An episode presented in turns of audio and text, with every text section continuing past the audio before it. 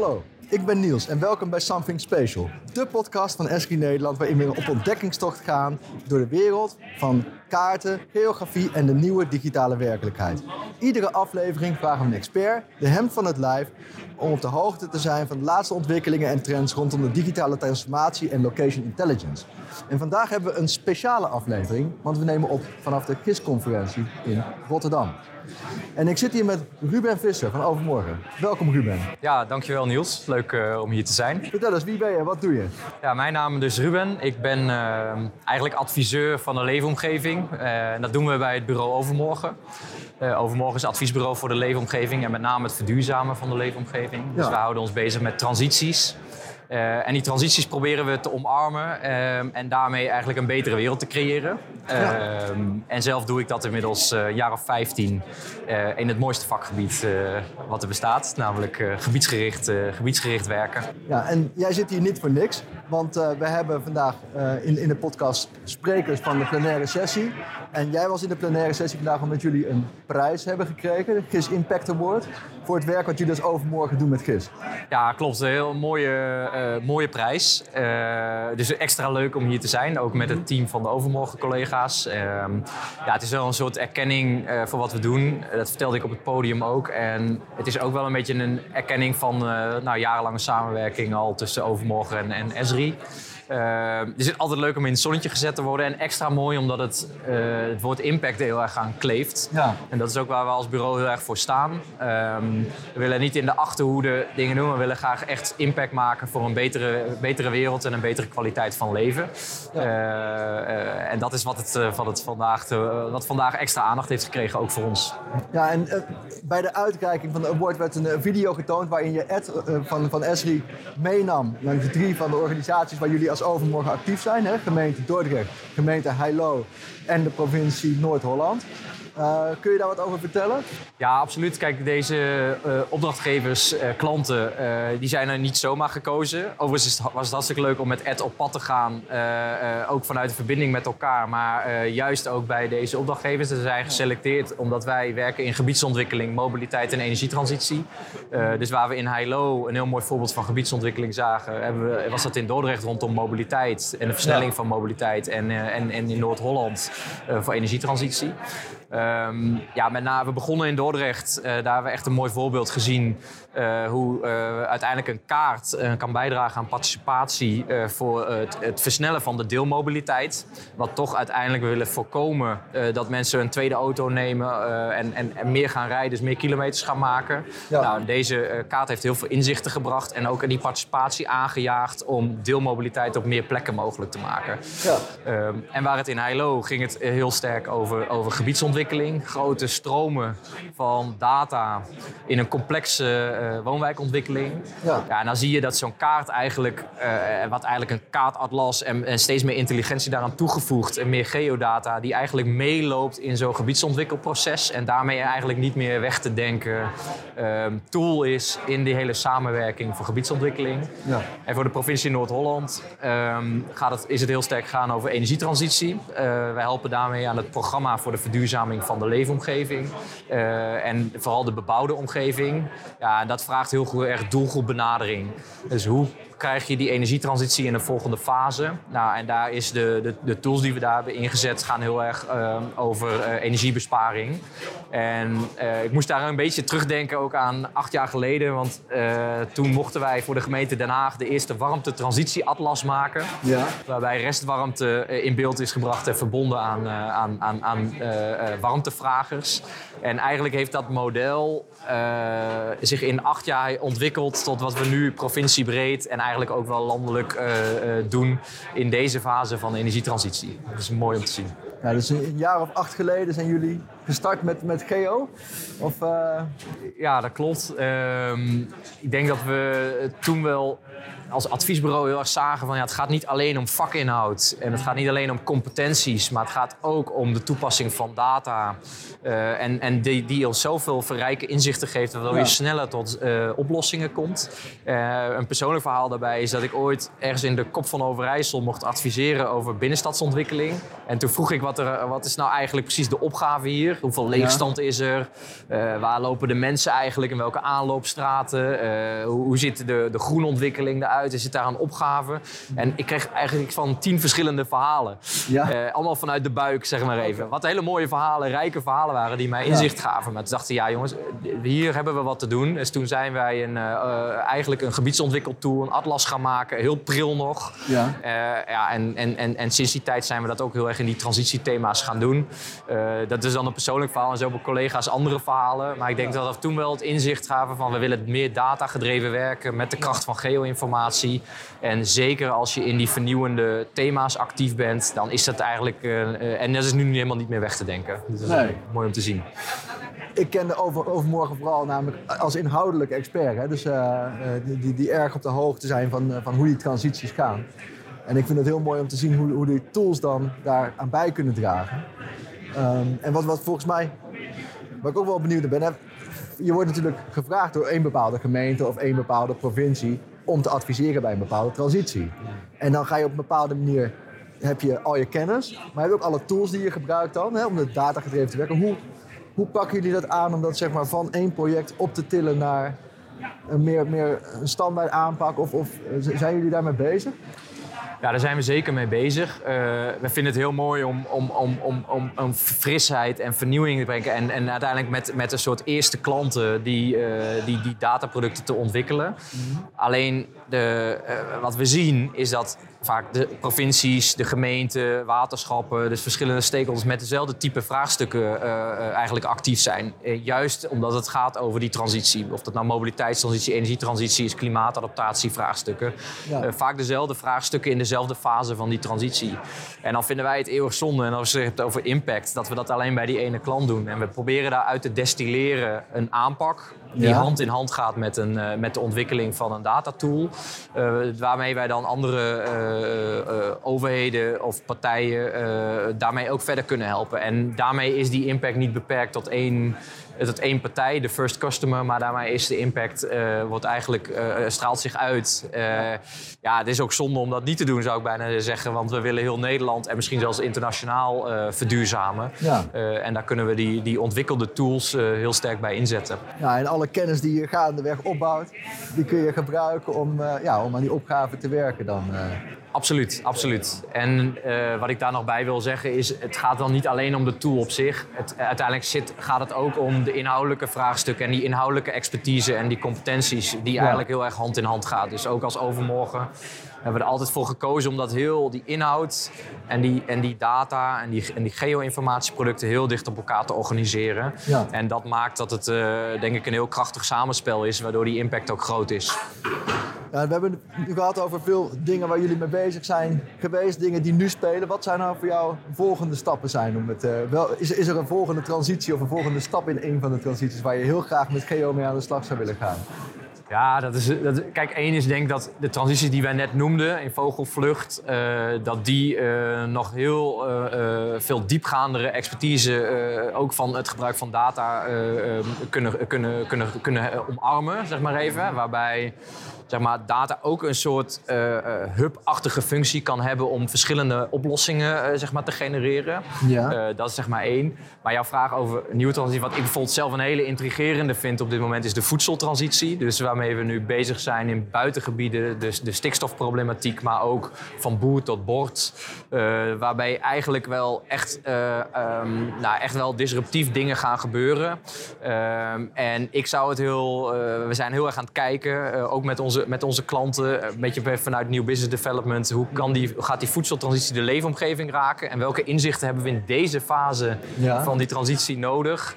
Uh, en ik voorzie dat we dan, net als dat het acht jaar geleden met warmtetransitie was, die eerste kaart waar ik net over vertelde. Ja. Uh, ik voel nu, zijn nu bezig met een soort eerste kaart en een eerste atlas en eerste inzichten in de dop, waarvan ik de overtuiging heb dat als we acht, over acht jaar hier weer zitten, dat voedseltransitie zomaar eens een thema zou kunnen zijn die zomaar geraakt gaat worden, ook op dit grote Ja, en heb je het dan over zeg maar, de transitie, of de, zeg maar, het in kaart brengen van de hele keten van waar iets geproduceerd wordt tot, tot waar de consument zit eigenlijk? Absoluut, absoluut. En, uh, en, en, en door, die leidt ook weer tot hele grote logistieke stromen. Dus Ja. dat raakt ook heel snel de mobiliteitstransitie. Eh, dus om daar interventies in te doen die leiden tot een eh, wat meer duurzame leefomgeving, heb je die inzichten absoluut nodig. Zowel de logistieke stromen als waar zitten de leveranciers, als waar zitten, waar zitten de afnemers. En eh, dat zij leidt misschien tot hele nieuwe eh, eh, supermarktconcepten, tot nieuwe logistieke aanpakken. Tot en met hoe kun je uiteindelijk ook het landgebruik, eh, die als gevolg van die, die, die stikstofverandering ook mogelijk tot nieuwe bestemmingen kunnen komen. Ja. nou, ik denk dat heel, die, dat hele palet, dat daar geo-informatie en geodata mm, in combinatie met die vakinhoudelijke kennis echt heel relevant in gaat worden. Ja. En als geograaf kan ik me ook wel voorstellen dat een aantal van de dingen die je zegt hè, eh, rondom die, die keten. Hetzelfde geldt natuurlijk voor energie, waar we ook steeds meer decentraal gaan opwekken en gebruiken en dergelijke. Dus, Ja. dus een, een heel erg uh, de locatiecomponent zit er ook in. eh. Zonder twijfel. En als we daar ook die hub-gedachte eh, eh, op loslaten, nou, dan zou het heel mooi zijn als we daar eh, eh, nou ja, ook een soort centrale eh, rol voor data in kunnen, in, kunnen, in kunnen vinden. Waar ook decentrale overheden of allerlei stakeholders ook uit kunnen putten. Ja. Dus eh, dat zie ik wel als het gaat om open source en toegankelijkheid van datasets en daar ook die kunnen gebruiken. Eh, dan denk ik dat dat, eh, dat dat heel goed zou kunnen, zou kunnen werken. Waardoor de maatwerkoplossingen kunnen, kunnen komen in het hele brede palet aan vraagstukken. Ja, je, je hebt het nu over de, de, open, de vrij beschikbare datasets die jullie gebruiken. Eh, je had het in het begin van ons gesprek ook over eventuele internationale ambities. Ehm, eh, hoe gaan jullie daarmee om? Zeg maar? in, in Nederland hebben we natuurlijk heel veel open data beschikbaar. Is, eh, zijn, zijn, zijn er dingen waar je tegenaan loopt in het, eh, met het opschalen van de ideeën? Ja, kijk, dan zie je elk land zie je wel grote verschillen. Eh, Overmorgen is onderdeel van Arcadis. Dus wij werken daarmee ook Ja. automatisch heel veel samen met eh Arcadis-collega's die ook internationaal werken. En eh, je ziet daarin ook eerste ervaringen in, in, in, in- Amerika en de United Kingdom... Dat, ja, dat, dat, dat die nog wel een stuk minder ver zijn met, met, met open databronnen. Ja. Ehm, dat heeft ook natuurlijk met, met politiek te maken, met, met governance, et cetera. Eh, maar we hopen wel dat we de, wat we hier in Nederland, wat een uitermate goede proeftuin is voor, Ja. voor hoe je om moet gaan, moeten gaan met, met transities. Veel functies op kleine grondoppervlak. Ja, dat we die ervaringen ook kunnen benutten om daarin internationaal adviezen te kunnen geven samen met onze partner Arcadis. Eh, d- d- Dankjewel voor, eh, voor al deze eh, toelichtingen en, en inzichten zeg maar, in, in het eh, hele mooie werk en belangrijke werk wat jullie doen eh, om, eh, om zeg maar, eh, ja, ons land goed te bewaken voor, eh, voor ons en onze volgende generaties. Ehm, je hebt het heel vaak ook over eh, iets heel anders. Je hebt het heel vaak over kaarten ook gehad hè? Ja. Eh, in het verhaal. Ik, het woord kaart, ik heb het niet geteld, maar het is best wel vaak langsgekomen. Ja. Ehm, en eh, we, we zijn hier ook, de, onze podcast heet Something Special. We hebben een rubriek die noemen we Maps Planning. Dan, dan hebben we het over jouw kaarten die een betekenis hebben. Heb jij een kaart, het hoeft niet specifiek over energie te gaan misschien, of over een transitie, maar heb jij een kaart die op jou indruk heeft gemaakt, op jou aan het denken heeft gezet, persoonlijk? Ja, ja die, die heb ik. Eh, ik wist dat je deze vraag ging stellen en ik moest erover nadenken, heel eventjes. En ehm, ik heb recent eh, gewerkt met een aantal collega's aan een heel groot gebiedsprogramma en dat heet de Maasheggen. En de Maasheggen is een cultuurhistorisch landschap in de, in de bedding van de Maas. Ja. En eh, dat heeft een heel fijn mazig mozaïek van heggen. Ja. En die heggen die hebben voor mij een wat meer bijzondere betekenis gegeven als het gaat om biodiversiteit, als het gaat om landschapskracht. Ja. En heel veel van die heggen zijn verdwenen als gevolg van de komst van prikkeldraad. Oké, En ja. ik, ik zag een kaart, eh, waarbij echt een kaart van 1860, een soort toporeis, eh natuurlijk ook bekend. Ehm, en, en, en het trof me hoe dat, dat gebied er in 1860 uitzag en hoe dat gebied er nu uitziet. Als gevolg van eigenlijk soort eh, ja, industrialisatie, schaalvergroting in de landbouw. Ja. En we, in dat programma zijn we nu heel erg bezig om die heggen terug te brengen in de oorspronkelijke staat. Het liefst nog in die kaart van 1860. Ja. Maar die kaart heeft eigenlijk in dit programma voor heel veel mensen een soort bijzondere betekenis gekregen. En daarmee ook voor mij, omdat het, dat we eigenlijk iets proberen te herstellen wat verloren is gegaan. Ja. Ehm, en daarmee ook als het gaat om toerisme, recreatie, natuurbeleving, eh, eh, maar ook biodiversiteit en ook, ook kleinschalige landbouw weer terug te brengen in dat gebied. Ja. Eh, dus dat is voor mij een, een kaart die gelijk bij mij opkwam toen je deze vraag stelde. Ja. Ja, mooi, mooi voorbeeld. Ja, hiermee zijn we aan het einde gekomen van, van dit gesprek. En eh, ja, nogmaals gefeliciteerd met eh, de prijs. En eh, ja, het mooie werk wat jullie doen. En eh, we gaan elkaar vast nog heel vaak treffen. Absoluut. Jij, dank voor het gesprek. En nou, die prijs hebben we warm in ontvangst genomen. En dit is de reden waarom. Ja. Dankjewel.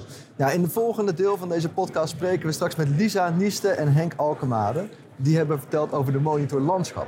Eigenlijk sluit het heel mooi aan bij het laatste voorbeeld wat we gehoord hebben. Over het landschap. Van ja, hoe kunnen we zorgen dat het landschap wat we nog hebben aan historisch cultuurlandschap...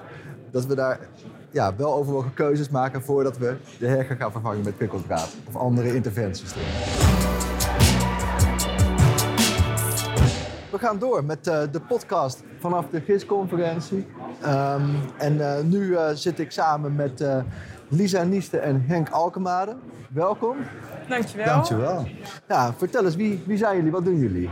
Uh, ik ben Henk Alkemade. Ik werk bij uh, de Rijksdienst voor het Cultureel Erfgoed bij de afdeling Landschap. Dus dan gaan we ons bezighouden met met name de historische landschappen van Nederland. Mm -hmm. Heel erg passend bij het verhaal van vanochtend, de monitor ja.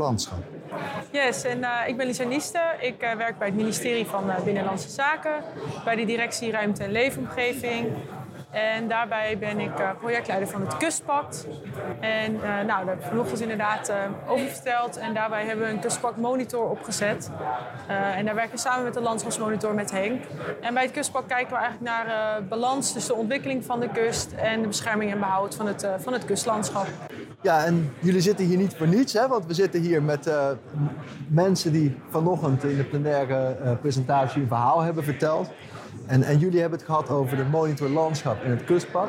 Kunnen jullie daar wat achtergrond over vertellen? Uh, jazeker. De monitor landschap is in ieder geval eigenlijk ontstaan uit de zorg die in de maatschappij leefde. En de grote opgaven die we tegemoet gaan bij de inrichting van het landschap. Dat legt allemaal claims op datzelfde landschap. En die zorg uh, daarover is ook bij de politiek natuurlijk uh, duidelijk geworden en bij de bestuurders. En die hebben daarop actie ondernomen. Een van de dingen die ze hebben ondernomen is het inrichten van een monitor landschap. Waarin jullie eigenlijk in beeld brengen hoe het landschap, de status van het landschap iedere twee jaar, landsdekkend. Ja. En daarbij ook de verandering berekenen we tussen twee opeenvolgende jaren. Dus je ja. kunt de veranderingen zien maar ook de toestand. En uh, Lisa, over de kust? Ja, de kustparkmonitor is eigenlijk een eh, toepassing van de monitor landschap. En um, heeft eigenlijk hetzelfde soort verhaal als wat Henk eh, net zei. Ontstaan eigenlijk van de toenemende zorg van de verandering van het kustlandschap. Um, dus natuurorganisaties hebben toen een campagne opgezet en toen is het kustpact ontstaan. En gesloten tussen 59 bij de kust betrokken overheden en maatschappelijke organisaties. Um, met dus het doel balans ontwikkeling en bescherming van de kust. Maar eigenlijk om die balans uh, te bereiken moet je dus eigenlijk de ontwikkeling van, uh, van het kustlandschap uh, in kaart brengen. Ja. En zodoende hebben we dus als kustparkpartners gezamenlijk besloten om die, om die monitor op te zetten. Om ook echt te kijken van hé, wat, wat verandert er nou aan die kust. Ja, dus jullie zijn eigenlijk een gebruiker van het monitor landschap. Maar je bent eigenlijk naar een volgende stap getild met het kustpact monitor. Maar wat, wat, wat is er zeg maar aan de hand aan de kust, waar, uh, wat, wat zeg maar de noodzaak maakt om het te monitoren? Ja, wat er eigenlijk aan de hand is aan de kust, of aan de hand was aan de kust, is dat er uh, des, nou, vroeger lag eigenlijk het, de focus van het kustbeleid altijd op waterveiligheid. Uh, maar Rijkswaterstaat ging in de loop van de tijd zand suppleren en, en dus werd die kust veiliger en kwam er ook ruimte voor andere ontwikkelingen aan de kust. Nou, dat leidt natuurlijk tot mooie mogelijkheden, maar ja, ook tot, tot wrijving bij met name natuurorganisaties. Ja. Omdat er toen opeens allerlei aanmeldingen kwamen voor mogelijke projecten langs de kust. Doe mij maar een huisje, zeg maar. Precies, ja. inderdaad. Ja, ja.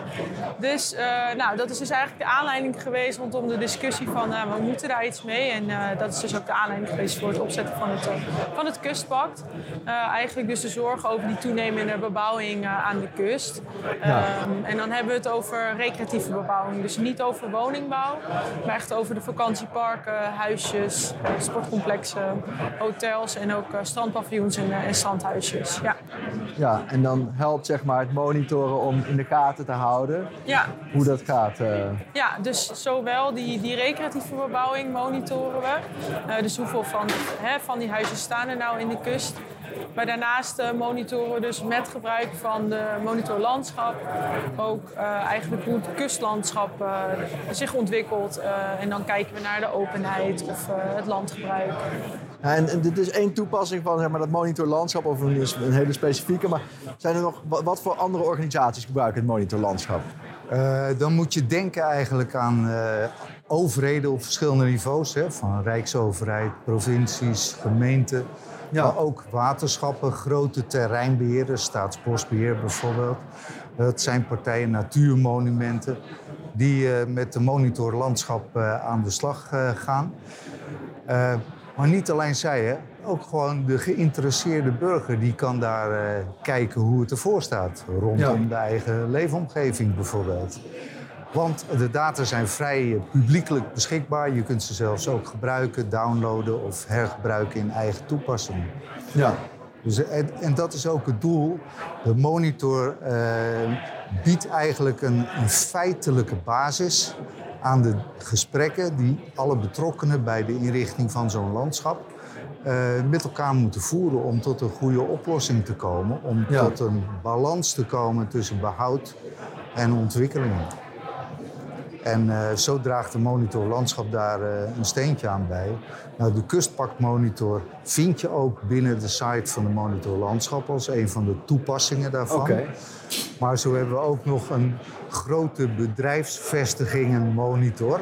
Is dat zeg maar tegen distributieloodsen? De verdozing van het landschap, Juist. zeg maar. En die wordt daar weer wat verder uitge, uitgelicht.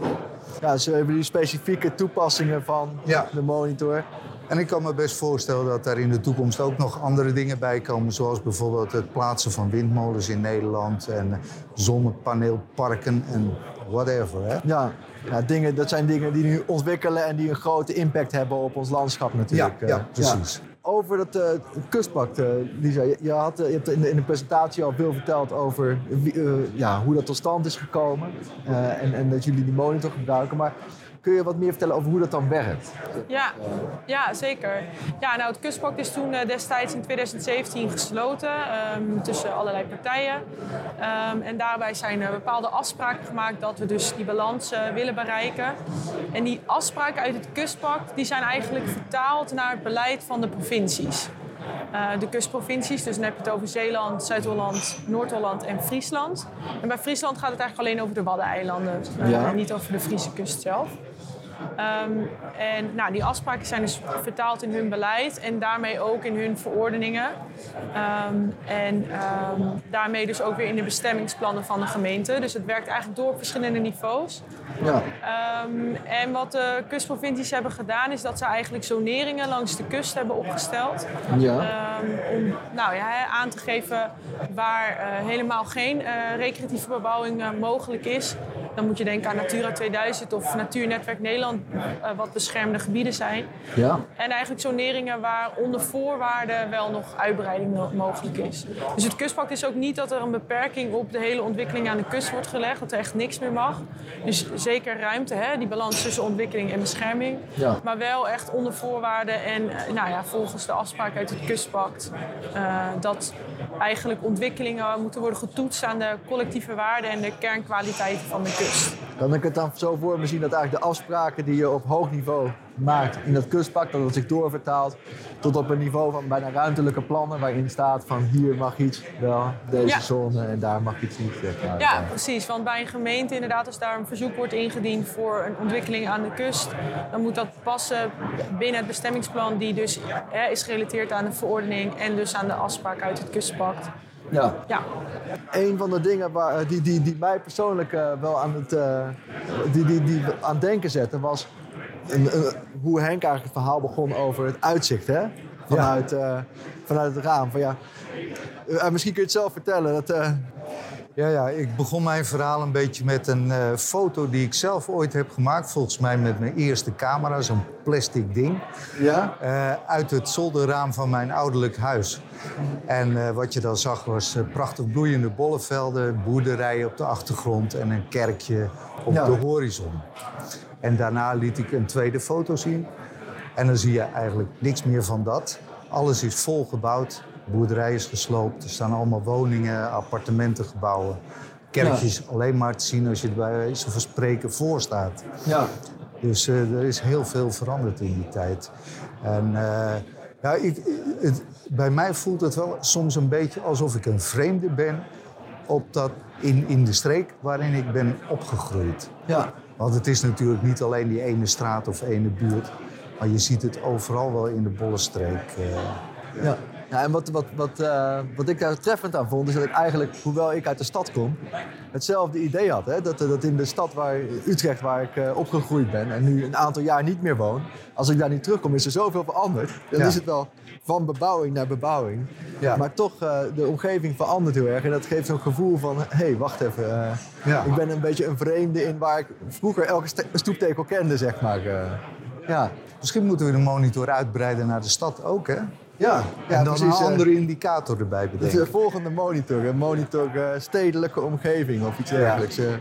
ja, er gebeurt, er gebeurt natuurlijk heel veel daar. Ehm, we hebben het nu heel veel gehad in, in het, in het verhaal over kaarten en de rol die kaarten spelen. Kaarten spelen ook een heel belangrijke rol in het kustpact. en ook in het monitorlandschap, dus Ja. gebaseerd op allemaal kaarten. Ja. die dan de feitelijke omgeving weergeven. Ehm, en dit is eigenlijk een terugkerend thema in de podcastkaarten. En we hebben altijd een rubriek die noemen we Mapsplaining. En dan hebben we het over kaarten die voor iemand persoonlijk of, eh, of professioneel een bepaalde betekenis hebben gehad. Hebben jullie een voorbeeld van een kaart die je aan het denken heeft gezet of je nieuwe inzichten heeft gegeven?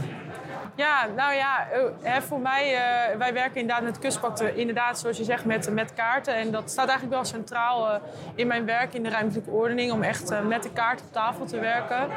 En voor mij is het dus ook niet echt één specifieke kaart waar, ja, waar ik nu dan aan denk, maar gewoon überhaupt het gebruik van kaarten. Ja. Ehm, ja, ik heb duurzaamheidswetenschappen gestudeerd, dus dan krijg je te maken met, met alle transities eigenlijk, hè, van energie tot klimaat en nou, noem maar op.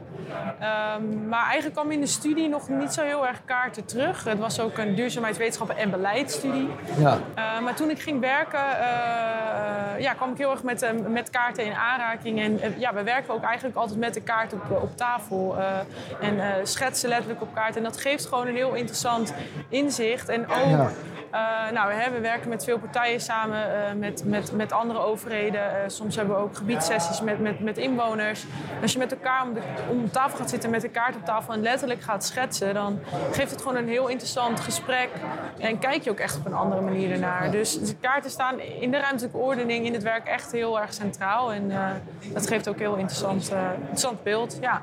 Als een soort gemeenschappelijke taal eigenlijk. Ja, eh. eigenlijk uh, kan je het zo wel, wel noemen. Ja. Ja. ja. Henk, heb jij een voorbeeld? ja, ja. Nou, een heel persoonlijk is dan wel dat ik uh, me herinner, een van mijn eerste herinneringen is uh, in de studeerkamer van mijn vader een wereldbol. Uh, waarvan ik toen nog niet snapte dat het een wereldbol was. Ik dacht dat het een soort viskom was. Ja. Met allemaal rare dingen en rare beesten erin. Maar het is wel het startmoment geweest van mijn uh, passie en, en, mijn interesse in, in, kaarten. En ik had al heel jong allerlei kaarten aan de muur hangen. Waar ik fantaseerde over geweldige reizen die ik uh, zou gaan maken ooit. Uh, onbekende oorden bezoeken. Ja. ja. Dus dat zat er al heel vroeg in. En ik heb er gelukkig ook veel mee kunnen doen in mijn leven. Ja, in, uh, en, en van die reizen, uh, zijn die uh, ook uitgevoerd die je toen voor ogen had? Uh, enkele zijn uitgevoerd, maar de meeste gewoon niet. Maar ik vond het al fantastisch als kind om weg te dromen en te fantaseren bij al die oerwouden, ijsplateaus, bergketens die ik zou gaan zien. En mensen, andere culturen. Ik vond het echt geweldig. Het heeft mijn fantasie in ieder geval altijd uh, goed ja. aan de gang gebracht. Ja, toch die, die visuele taal. Hè, van, ja, uh... ja, ja, precies. Dat is ook zo. Ja, ja. Hartstikke bedankt dat jullie zijn aangeschoven. En nogmaals gefeliciteerd met een fantastische presentatie vanochtend. Dus voor wie hem niet gezien heeft, kijk hem vooral terug. En uh, nou, ik wens jullie heel veel succes met uh, Monitor Landschap. Monitor van het Kustpact. Dankjewel. Dankjewel.